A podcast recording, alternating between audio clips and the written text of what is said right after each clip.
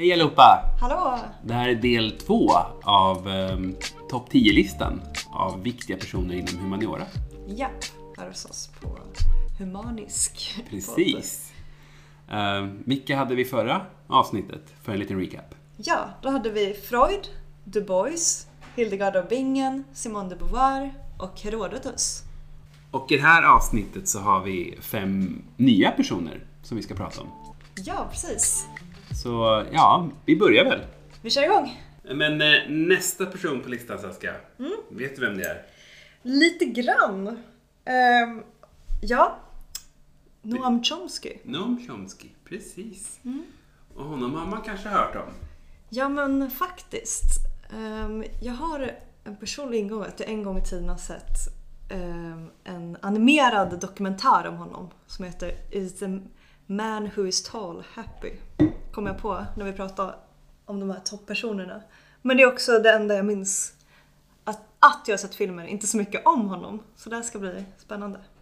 Jag tänker, för du har ju läst litteratur Mm. och, jag, jag har läst språkvetenskap, men, men de båda brukar ju oftast klumpas ihop lite. Men det är inte så att ni har pratat om honom i litteraturen någonting? Faktiskt inte. Nej, Nej. egentligen inte förvånad, men jag ville fråga det är väldigt hyperspecialiserat på lingvistik, men Däremot har jag hört lite om honom via filosofin faktiskt. det kan man tänka sig. Mm. Just det. Ja, men jag ska berätta lite så får, får vi se om jag um, väcker några gamla minnen om, om honom från filmen. Ja, underbart. Yes. Noam Chomsky, född 1928 i Pennsylvania i USA. Chomsky är ett cementerat namn inom lingvistiken och är känd för hans tvärvetenskapliga arbete med psykologi och lingvistik. I breda drag var samtliga av hans intresseområden inom människans natur och förutom vetenskapliga insatser enbart så skrev han betydande analyser kring klasskillnader och hur en liten rik och kulturell majoritet har ett förödande inflytande på samhället. Lingvistiken och psykologin verkar ha varit Noams livspartner, eller partners, men politiken var redan tidigt hans älskare. Redan vid tio års ålder skrev Nome om det spanska inbördeskriget som pågick 1939 och i texten så betonade han hur olycklig fascismen var för mänskligheten. Något han skulle återkomma till 1969 när han, i full blom i hans akademiska karriär, skrev Objectivity and Liberal Scholarship. Chomsky kom från ett judiskt påbrå och spenderade mycket tid som tonåring bland den judiska samhällssfären i New York. Något som speglar hans politiska och samhällsmässiga världsskådning även som vuxen.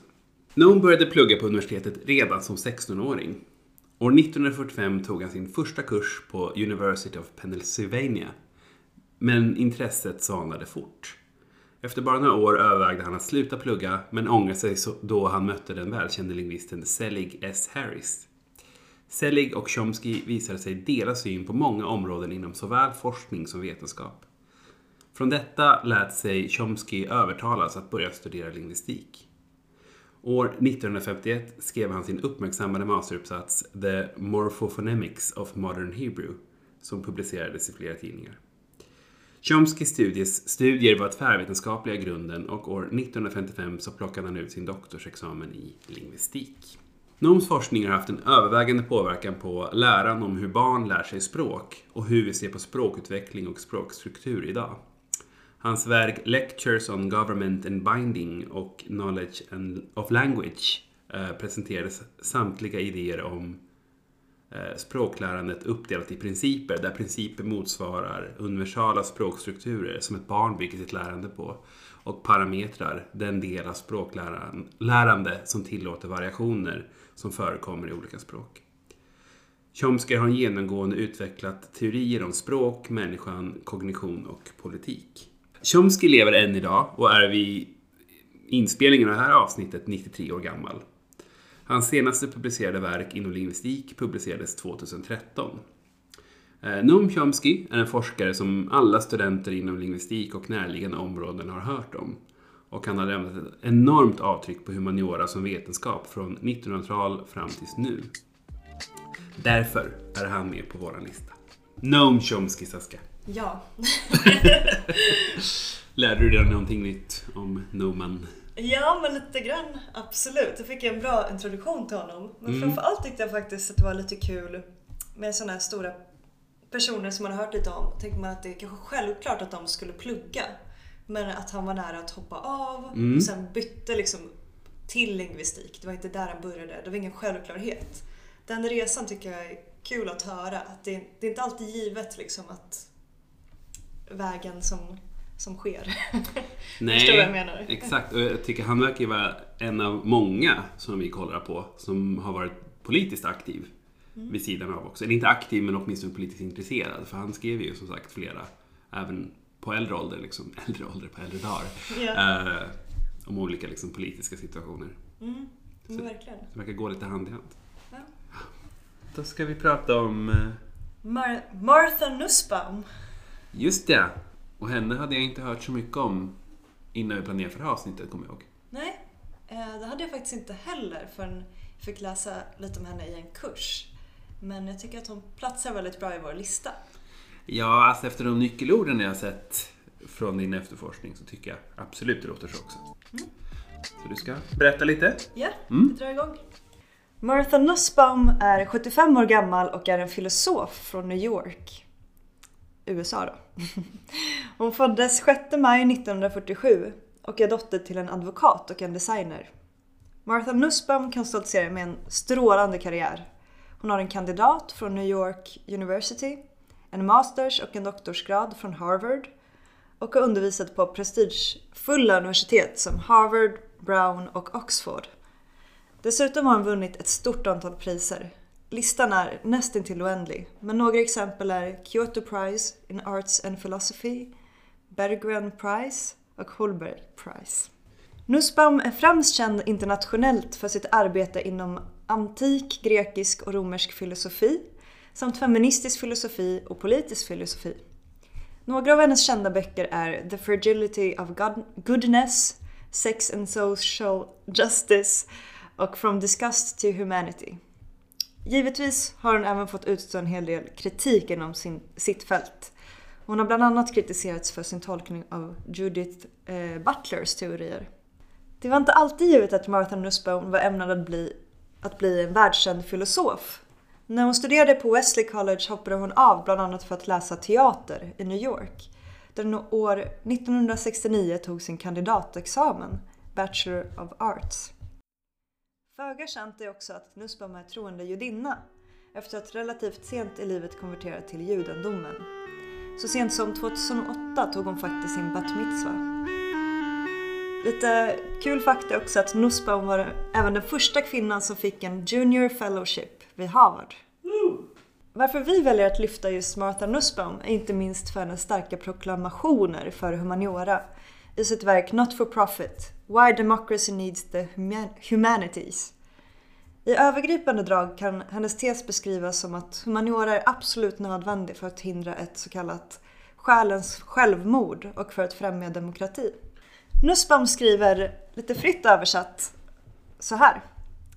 Humaniora skapar en värld som är värdefull att leva i. Människor som kan se varandra som hela människor. Med egna tankar och känslor som förtjänar respekt och empati. Och nationer som kan överkomma rädsla och misstänks- misstänklighet till förmån för en sympatisk och resonerande debatt. Nussbaum menar alltså att humanistiska studier främjar empati, kritiskt tänkande och förståelse. Vilket är värden som hon menar får allt mindre plats i dagens he- hegemoni. Vilket bra val att ha på listan tycker jag. Eller hur? Jag tycker, jag tycker att hon... Ja men det är fint att läsa någon, om någon som verkligen så pratar om humaniora som ämne Mm. och verkligen eh, är för det på ett så starkt sätt och argumenterar för det. Och som inte bara studerar humaniora utan jobbar för att lyfta humanistiska värden. Ja, det är så lätt idag att man bara insnöar på sin gren. Kanske mer än humaniora som vetenskap. Så det tycker jag också är jättepositivt. Ja, Mm. Kul. Men vi, vi eh, rullar vidare. det gör vi.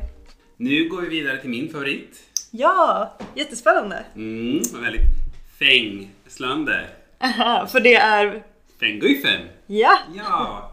Ska bli, han kände jag absolut inte till någonting om innan vi... Nej, ingenting. Det är också Nej. det som är så spännande. Jag tror inte ens jag har hört honom omnämnas i någon kurs eller någonting. Nej. Nej men... Eh, vi Ja. kör väl igång. Fängguifen. Född 1808 i Jiangsu-provinsen i Kina och dog 1874 i Suzhou. Han var känd som en revolutionerande filosof, politiker, lingvist, akademiker och statlig konsult under Qing-dynastin. Hans filosofi och lära gav upphov till, den, till de radikala förändringar som än idag påverkar Kinas profil, nämligen enkelt översatt självförstärkningsrörelsen som pågick mellan 1861 och 1895. Eh, som också är känd som rörelsen där Kina antog flera västerländska innovationer och idéer. Feng kom från en rik familj utanför Peking, eller ja, Shanghai. I ung ålder examinerades han vid det kejserliga examensväsendet, vilket låter väldigt exotiskt när man läser på svenska högskolor. Efter en längre akademisk resa som slutade med en nationell examen fick Feng till sist anställning vid Hanlin-akademin som var den högsta kejserliga nivån av utbildning och därav den högsta akademiska nivån i Kina. Som vi snart ska höra i ett översatt stycke ur en av Fengs texter eller uppsatser så ansåg han att Kina skulle gynnas av att lära sig från de barbariska västerlänningarna och förbättra den teknologi och metod som särskilde väst från öst. Detta var även ett sätt att få sikt, på sikt få kontroll över väst genom att använda samma medicin, för att använda hans egna språkbruk. Hans mest kända var, verk, Yao Bindlu Kanji, som oftast förkortas som avvikande syn, protester från Yao Bin-studion, som skrevs som en reflektion över den pågående handeln med väst under mitten av 1800-talet. Eftersom Feng var involverad i denna handel i bland annat Peking-Beijing lärde han sig mycket om västerländsk filosofi och teknologi och kunde se hur den reagerade med konfucianismen samt en mellanvärld som skapades kring kontaktytan mellan de båda. Jag tänkte läsa ett litet citat nu från eh, uppsatsen för jag tyckte att det var lite roligt formulerat. Um, och gav också ganska bra insyn i hans vinkel på det hela. Uh, det är översatt till engelska och vi kommer läsa det på engelska också för att det kändes mer troget i källan på något sätt. Uh, och den kommer alltså då från titeln On the Adoption of Western Learning. Och då sa Feng så här. I have heard that with the new methods the Westerners have found that the movements of the earth conform closely to that those of heavens. This can be of assistance in fixing the calendar. I have heard that the Westerners' method of clearing sand from harbors is very effective. This can be of assistance to keep the water flowing also for agriculture and sericultural tools, and things required for various crafts. They mostly use mechanical wheels, which require little energy but, but accomplish much. There are many intelligent people in China. Surely there, have, there are some who, having learned from the barbarians, can surpass them. Det var ett litet citat som jag tyckte var lite roligt som sagt. Rörelsen fick fart och har lämnat spår efter sig främst inom den militära sektorn. Flera faktorer ska ha lett till att den inte fick mer påverkan. I slutet av 1800-talet siktade Kina in sig på en ekonomisk framfart och lade därför teknologi och militär innovation bakom sig för stunden. Och Fengs filosofi rann ut i sanden, likt sanden som fick vattnet att flöda vid hamnen, för en sista gång citerar Fengs stycke. Feng hade ett inflytande på områden utanför självförsäkringsrörelsen också, om än närliggande, såsom att han uppmuntrade till att flerspråkighet, återigen för att förstå och vara mer anpassningsbar mot vän och fiende, särskilt i väst. Hans bok Avvikande syn fick uppskattning på nytt 24 år efter hans död och fick på så sätt nytt liv i flera tryckta exemplar och i kontemporär undervisning i Kina. Fengs forskning och filosofi hade stora effekter på en stor nation och tog upp dilemman samt en politisk situation som än idag är relevant. Hans praktiska observationer från tanke till forskning och publikation är anledningen till att vi valde att ha med Feng Guifen på vår lista. Det var Feng! Ja, gud vad intressant. Eh, framförallt för att man, jag har inte hört någonting om honom innan tidigare. Så att, eh, verkligen intressant att få höra mer om honom och också kul att han kallar västerlänningar barbarer upprepande gånger. Ja, jag tycker också kul hur han pratar liksom om hjulet där i citatet också. Att det liksom på något sätt var spännande fortfarande ja. för Kina. Vilket det, kan, det var ju knappast vart nytt då, men det var väl... Jag, jag tänker att det är liksom kugghjul eller sånt han ja, pratar precis. Om. Mekaniska. Exakt. Nej, jag tyckte han var intressant. Jag tyckte också, även om han nu är från Kina, så var ju fortfarande liksom hans humanistiska forskning i motreaktion till västerländsk filosofi. Verkligen. Ja. Ja, nej, men jag tyckte han var väldigt rolig att forska om. Absolut. Han är en ny favorit hos mig också. Ja, det här är alltså Fengo i Fempodden nu. Och, eh, ja, nej, men eh, jag tycker att vi går vidare. Ja, vem är nästa offer? Nu är det Sören Kierkegaard. Ja, såklart. Har du hört något om honom tidigare? Ja, det har jag, men kanske inte så. Jag har nog mest hört om om honom som författare, tror jag. Men inte så mycket om honom som humaniora-forskare eller humaniora-profil. Ja. Det ska bli kul att höra. Sören Kierkegaard föddes den 5 maj 1813 i Köpenhamn och var en dansk filosof, teolog och författare. Han anses vara grundaren av den filosofiska inriktningen existentialism och har influerat författare som Albert Camus och Jean-Paul Sartre. det franska där igen. Det var på... Beauvoir. Ja. Ehm, Med sina texter har han påverkat bland annat litteraturen och filosofin. Kierkegaard växte upp i ett puritanskt hem och studerade teologi. 1843 inledde han sin filosofiska bana med boken Antingen eller under pseudonymen Victor Eremita. Kierkegaard analyserade betydelsen av ångest som är ett återkommande begrepp i hans skrifter. Han kämpade också själv med ångest och depressioner. Kierkegaard är kanske känd, mest känd för eh, sin teori om människans tre stadier. Det första stadiet är det estetiska stadiet som Kierkegaard skriver om i Förförarens dagbok. Där får vi möta Johannes som är obotlig förförare. Njutningen är målet i hans liv och utan att bekymra sig om skillnaden mellan gott och ont eller rätt och fel. Estetiken tror att lyckan befinner sig utanför honom, bakom nästa hörn. Det är först när estetiken är redo att välja mellan rätt och fel och gott och ont som han eller hon kan hoppa över till nästa stadium, det etiska stadiet. Det här stadiet karaktäriseras av generalen, lagen och ordningens man, som påtar sig skyldigheter gentemot andra genom att upprätthålla konstruktiva relationer med andra. Det är viljan som leder en till frihet, menar Kierkegaard. Man måste vilja välja och att inte välja är också ett val. Men även etiken och parad paradoxerna har sina gränser enligt Kierkegaard. Det etiska liksom det estetiska stadiet leder alltid till förtvivlan. Endast det tredje så kallade religiösa stadiet, där människan lär sig att börja tro på det omöjliga, kan leda till lycka. För detta behöver man inte vara övertygad om Guds existens, för den som vet att Gud finns, Gud finns behöver inte längre Gud. Ångesten bör välkomnas enligt Kierkegaard eftersom det är lidandet som leder människan till sanning. Men för, för detta måste man våga isolera sig från omvärlden för att förhindra omvärldens brus. Människan kommer då plötsligt att höra tystnaden, känna hur ensam hon står i världen och finna ro i denna ensamhet. Och då kommer världen att öppna upp sig för henne och jaget kunna välja sig självt.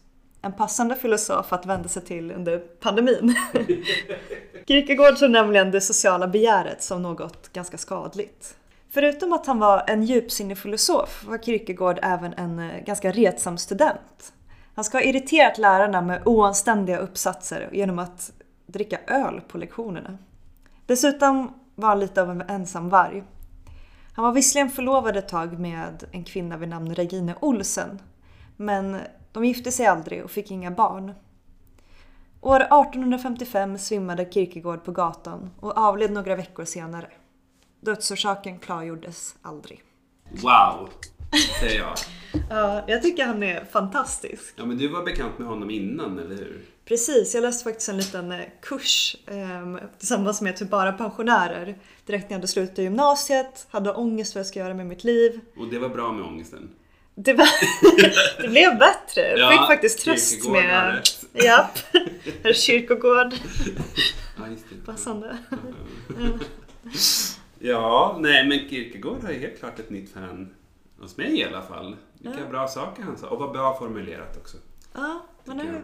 faktiskt rekommendera. Väldigt fint formulerat det han skriver också. Så även om Mm. man inte håller med så är det ganska fint, fin läsning. Ja, men jag kände redan igen mycket i vad jag själv tycker liksom om Ja. tillvaron. Så. Ja, det var jätte... Ja, br- bra. Jag säger ja. Härligt. Då går vi vidare till sista. Ja, nästa person på listan, och sista personen också, tror jag kan upplevas som ett lite kontroversiellt val. Ja, vem är det då? Det är nämligen Rudolf Steiner och jag kommer gå in lite på varför han är med på listan i slutet när jag berättar om honom. Men jag tänker, vad vet du om Steiner nu? Ehm, ja, lite grann. Jag anknyter det till Waldorfpedagogiken, Waldorfskolor. Lite sådär lösa begrepp kring, kring Steiner. Men eh, jag är nyfiken på att höra mer. Speciellt du som hade lite koll på honom innan också.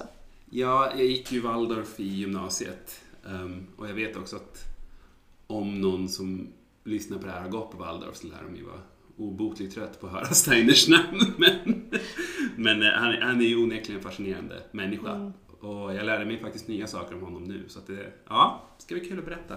Rudolf Steiner. Född 1861 i Österrike och känd som grundaren av antroposofi och därmed Waldorfpedagogiken, biodynamisk odling och antroposofisk läkarvård. Hans forskning och profil var inom teologi, utbildningsvetenskap, spiritualism och filosofi. Och hans ideologi sträckte sig mellan såväl humaniora, utbildningsvetenskap, agrikultur, medicin, arkitektur, samhällsvetenskap och mer. Rudolf Steiner eh, är ett namn som är väl bekant för de många elever som idag läser på Waldorfskolor. Kanske båda med en känsla av tjatighet och nostalgi. Rudolf Steiner associeras också av många idag med Järna och kanske specifikt ytterhjärna utanför Södertälje där man finner både Waldorfskolor, antroposofisk läkarvård och biodynamisk odling samt forskning och där man ännu lär ut antroposofi, eutomi och andra läror inom Steiners sfär. Steiner började sin akademiska karriär med att studera till lärare där en majoritet av ämnena han studerade var inom naturvetenskap. Historia, litteratur och filosofi var de tre ämnen han studerade inom humaniora. Han studerade vid Wiens tekniska universitet 1879 till 83 som då hette Technische Hochschule. Hochschule? Hochschule? Ja, jag vet inte. Eh, Utan Wien framför. Efter hans utbildning började han jobba på Goethe och Schillerarkiven där han kom att bli fäst vid just Goethe, ja, för resten av livet. Goethe var Steiners största inspiration och verkar nästan ha varit en idol. När han senare i livet kom att få bygga sin egna skola dedikerad till antroposofin döpte han den till just Goetheanum, vars arkitektur är designad av just Steiner, vars stil än idag är omtalad och i vissa fall hyllad. Rudolf Steiners lära var ständigt begrundad i hans egna filosofi och spiritualism och resulterade alltså i antroposofin. Antro, som betyder av eller om människan, och sofi, som betyder läran. Alltså läran om människan. Antroposofin bygger på flera koncept, men är kanske mest känd för att människans intellekt har en förmåga att kommunicera med den spirituella världen. Steiner grundade antroposofin som en tes som sedan blev till en ideologi och som sedan skapade en rörelse. Ideologin är realiserad i flera grenar inom lantbruk, som då kallas för biodynami, pedagogik, där den då kallas för Waldorf, och inom konst, där den då yttrar sig i konstterapi, formgivning, litteratur och en unik färglära inspirerad av Goethe. Sen har vi också livsåskådning och ideologi som också går under paraplytermen antroposofi. Han hade även grenar inom hälsa som då var antroposofisk läkarvård som är besläktad med homeopatin samt konst och rörelse inom eurytmi. Där det sistnämnda är en hybrid mellan yoga och dansuppvisning. Både antroposofin och Steiner har haft hög status inom särskilda områden, inte minst för hela enskilda nationer i exempelvis Österrike och Tyskland, där både Steiners idéer om jordbruk, pedagogik och medicin har fått en långvarig uppskattning och där hans lära i form av antroposofi fortfarande frodas än idag. Steiner höll i en stor mängd föreläsningar och publicerade många böcker, manuskript, artiklar och andra verk som fortfarande utgör grunden för den antroposofiska läran. Vissa komponenter som Waldorfpedagogiken går det att få en högskoleexamen inom, medan andra går att läsa som frikurser och på icke-högskolenivå. Steiner dog 1925, men lever vidare genom sin rörelse antroposofin. Han och hans lärare är både kontroversiella och väl uppmärksammade idag. Hans avtryck på samtliga vetenskapsgrenar, inte minst humaniora, som han beslöjade all annan vetenskap med, går inte att neka. Därför har vi Rudolf Steiner på vår lista. Det var Steiner. Ja, mycket intressant. Ja, det har ju varit mycket kontroverser om honom på sistone. Mm, det har det verkligen. Eh, ja, men i vissa dokumentärer till exempel, för att inte nämna. Ja, Exakt. precis. Exakt. Eh, Men måste säga väldigt häftig, häftig arkitektur. Mm. Själv sett min brorsa gick också på Waldorf och besökte hans skola. Det ja, men gör intryck. Ja, nej, och jag var ju lite kluven när jag föreslog honom till listan. Men, men jag tycker just eftersom, som vi sa där i slutet, att han ändå beslöjade liksom verkligen all vetenskap med, med antroposofin. Och sen kan man ju tycka vad man vill liksom om antroposofin i sig. Men att han har gjort ett stort avtryck, det kommer man ju inte undan. Ja, det var topp 10-listan. Japp! Jag tycker det var en, en, bra lista. Det var så himla svårt att välja i början, minns jag. Det tycker jag också. Men det var väldigt roligt att göra researchen, tycker jag.